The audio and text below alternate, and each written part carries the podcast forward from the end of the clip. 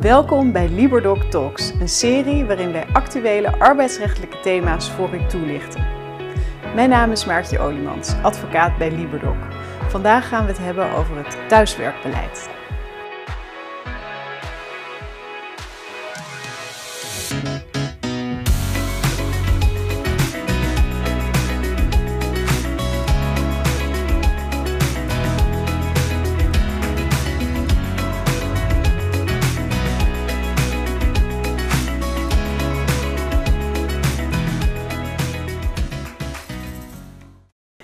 Welkom Charlotte. Dankjewel. Charlotte Waterman is uh, ook advocaat bij Liberdoc. Vandaag gaan we het dus hebben over thuiswerken. Een onderwerp dat al lang in de belangstelling staat, maar door COVID in de stroomversnelling is gekomen. We gaan het hebben over een thuiswerkbeleid uh, vandaag en we denken met u mee. Zeker.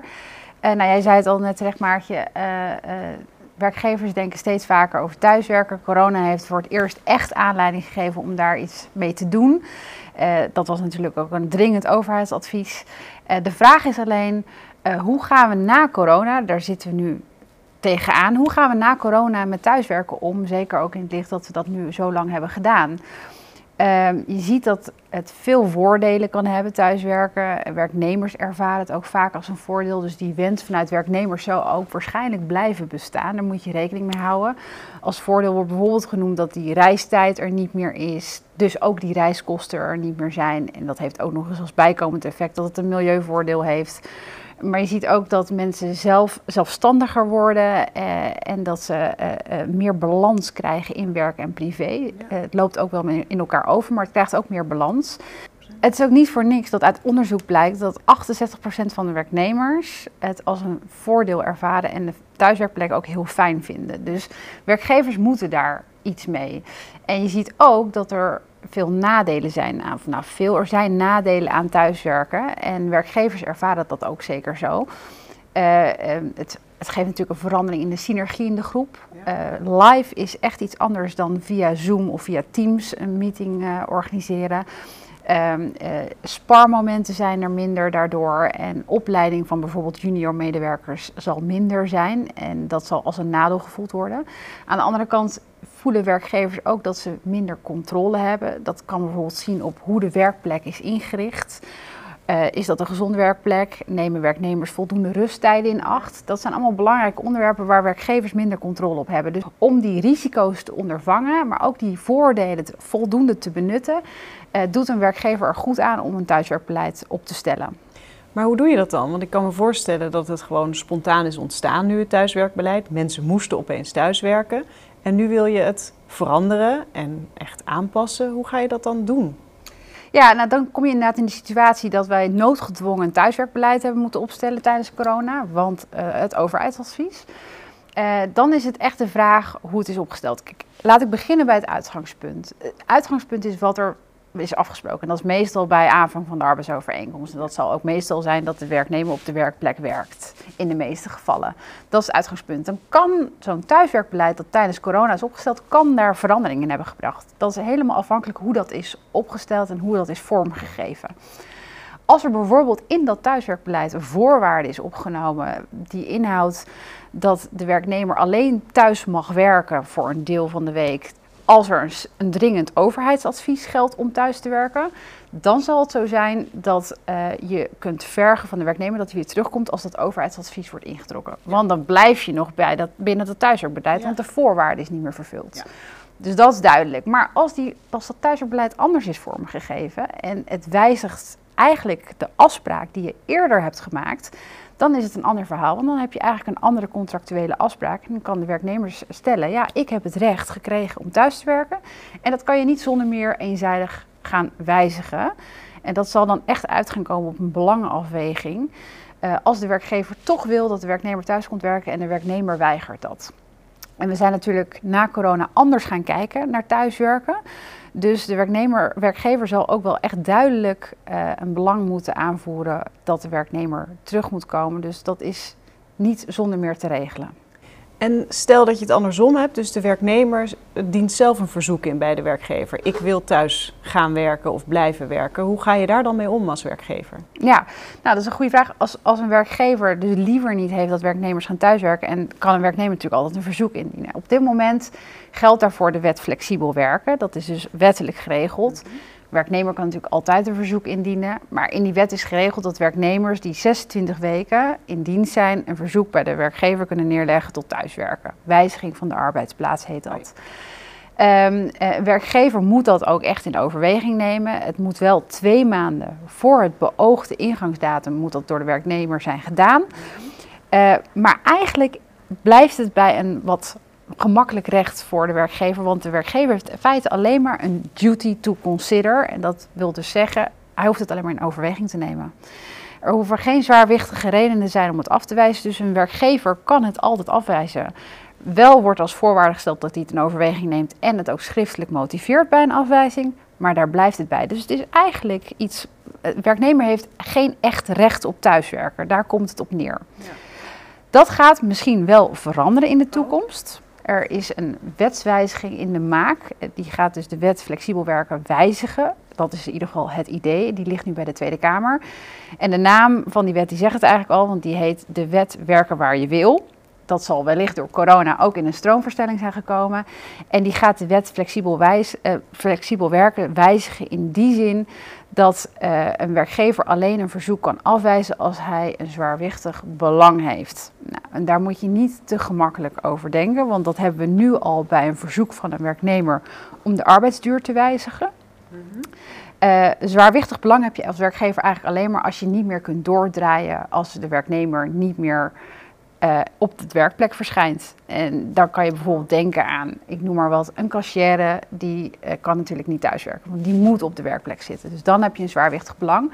Maar het zal voor werkgevers waar het gaat om kantoorwerk en waar werknemers in corona al thuis hebben gewerkt, een lastige kluif worden om een zo verzoek te gaan afwijzigen als deze wet ook daadwerkelijk in werking gaat treden. Dus daar zie je al dat uh, de, de andere visie van de maatschappij op thuiswerken al een wettelijke basis gaat krijgen. Des te belangrijk dat je dus nadenkt van tevoren over wat wil ik als bedrijf met thuiswerken exact. en moet er een thuiswerkbeleid komen. Klopt. ja. ja. Ja, misschien is het dan wel goed om even in te gaan op uh, de basale verplichtingen die je dan hebt als werkgever zodra een werknemer thuis gaat werken. Uh, primair moet je zorgen voor een ergonomisch verantwoorde werkplek. En dat dus ook thuis. Dus niet alleen op kantoor moet je een goede bureaustoel hebben. Stel dat je achter een computer werkt, dat moet dus ook uh, thuis. Mm -hmm. um, en dat is de zorgplicht van de werkgever. Er gelden ook gewoon arbo-regels, net zoals die op kantoor gelden, maar dan of in het bedrijf, maar dan iets minder streng dan, uh, dan uh, in het bedrijf zelf. Um, en voor schermwerken uh, achter een beeldscherm zijn hele specifieke regels die moeten worden nageleefd. Ja. Um, en ja, het is wel zo dat als het eindelijk iemand ziek wordt, doordat hij dus in een, aan de keukentafel op een krukje heeft zitten werken, en de werkgever heeft dus geen moeite gedaan, of in ieder geval niet aantoonbaar dat er een goede werkplek was, ja, dan kan de werkgever daarvoor wel aansprakelijk worden gesteld. Oké, dan duidelijk, werkgever heeft dus best wel wat verantwoordelijkheden en er kleven ook wel wat risico's eraan. Um, maar het is een thuiswerkplek, het is dus de privéplek van de werknemer. Hoe ga je dat controleren als werkgever als je wel met dit soort risico's wordt geconfronteerd? Nou, daar zal je een balans moeten vinden tussen uh, werk en privé, ook hier. Uh, het is handig om met een soort uh, checklist te werken en elke werknemer dat in te laten vullen, het liefst met foto's erbij. Uh, en ook regelmatig dat te controleren. Dus niet alleen bij de aanvang van het thuiswerken, maar bijvoorbeeld elke zes maanden. Um, en als een werknemer dat echt weigert, want hij zegt: Ja, sorry werkgever, het gaat u niks aan hoe het bij mij thuis uitziet. Dan is het advies om de werknemer dan weer terug naar kantoor te laten komen. Dat is dan een verplichting van ja, ik kan jouw veilige, veilige werkomgeving niet, uh, op deze manier niet controleren en ook niet verbeteren als nodig. Ja. Dus dan zal je weer uh, naar, naar het bedrijf moeten komen om je werken uit te voeren. Allemaal zodat je aan je zorgplicht hebt voldaan. Precies. Uh, en uiteindelijk, wie betaalt dat? Want ik kan me voorstellen, zo'n werkgever wordt best wel geconfronteerd met wat kosten. Uh, je hebt en de werkplek en je hebt een thuiswerkplek. Ja, maar goed, de werkgever heeft ook voordelen bij thuiswerken. Dus, en die moet zorgen voor die veilige werkplek. Dus in principe de inrichting van de werkplek. Dus stel dat het computerwerk is, dan is dat dus een beeldscherm, een toetsenbord en een ergonomische stoel. Zijn voor rekening van de werkgever. Er zijn ook wel werkgevers die uh, de internetverbinding, de, het abonnement betalen, zelfs een koffievergoeding betalen. Maar dat wisselt een beetje per werkgever. Maar in ieder geval het veilig kunnen werken, dat is voor rekening van de werkgever. Ja. En worden dit soort zaken niet allemaal in een CAO geregeld? Ja, dat zou je denken, maar er zijn maar iets van 8% van de cao's op dit moment die een uh, internet uh, of in ieder geval die een, iets hebben geregeld over thuiswerken. En meestal is dat een vergoeding inderdaad voor, voor internet of koffie. Maar uh, verder niet, dat is eigenlijk best gek. Oké, dus het is uiteindelijk heel erg aan de werkgever om een beleid erop te maken, want kennelijk wordt het niet vaak in cao's geregeld. En wat, wat raad jij nou aan om in zo'n beleid allemaal op te nemen? Dat hangt heel erg af van uh, elke individuele werkgever.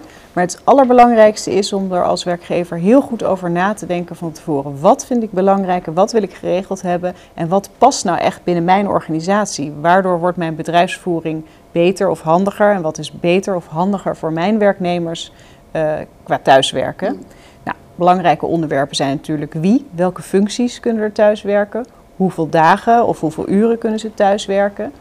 Um, onder welke voorwaarden werken ze thuis? Dus bijvoorbeeld uh, als iemand zoveel uh, maanden ziek is, dan mag hij niet meer thuiswerken, of juist wel. Uh, of er is sprake van een, een verbeterplan. Hè. Moet er dan misschien ook weer op kantoor worden gewerkt? Want je kan je voorstellen dat als het niet goed gaat met het functioneren, dat je dan wat dichter op elkaar wil zitten om dat functioneren te verbeteren. Um, hoe ga je om met, uh, met de veiligheid? Hoe controleer je dat? Hè? Dan leg je dus vast hoe er ja. wordt gekeken naar uh, hoe veilig de werkplek is. Um, ja, dat zijn allemaal dingen die dus per organisatie heel erg verschillen. Maar het gaat er dus vooral om hoe is het uh, efficiënt en het best werkbaar. Ja, en als ik dit allemaal hoor, heeft dan ook de ondernemingsraad nog een rol hierbij? Jazeker, nou, elke onderneming met 50 werknemers of meer heeft een ondernemingsraad. Uh, die moet je sowieso regelmatig op de hoogte houden. En als je minder werknemers hebt uh, dan de personeelsvertegenwoordiging, het is goed om werknemers hierbij te betrekken natuurlijk. Um, maar de ondernemingsraad kan ook een officiële rol hebben. Uh, bijvoorbeeld als je kiest voor het trekken van je werknemers. Dus via datagegevens in de gaten houden wat ze doen en wanneer ze werken. Dan heb je instemming van de ondernemingsraad nodig. En als het samengaat met grote technologische veranderingen, dan heb je ook adviesrecht van de ondernemingsraad nodig. Dus naast het adviseren, of het informeren van de ondernemingsraad, kan soms ook een officieel traject uh, nodig zijn. Hm. Dus de OR moet zeker ook bij betrokken worden. Ja. ja. Nou, dank je Maartje. Ik denk dat het uh, wel helder is. Uh, ik denk dat werkgevers eerst moeten nadenken of thuiswerken een blijvertje wordt na corona in hun organisatie. En zo ja, moeten zich ook gaan nadenken over uh, hoe ze dat willen vormgeven in een beleid, zodat het er ook goed op staat. Werkgevers kunnen gewoon te maken krijgen met behoorlijk wat verantwoordelijkheden en ook wat risico's die daaraan kleven. Dus een goed en deugdelijk thuiswerkbeleid is belangrijk. En wij helpen u daar natuurlijk heel graag mee.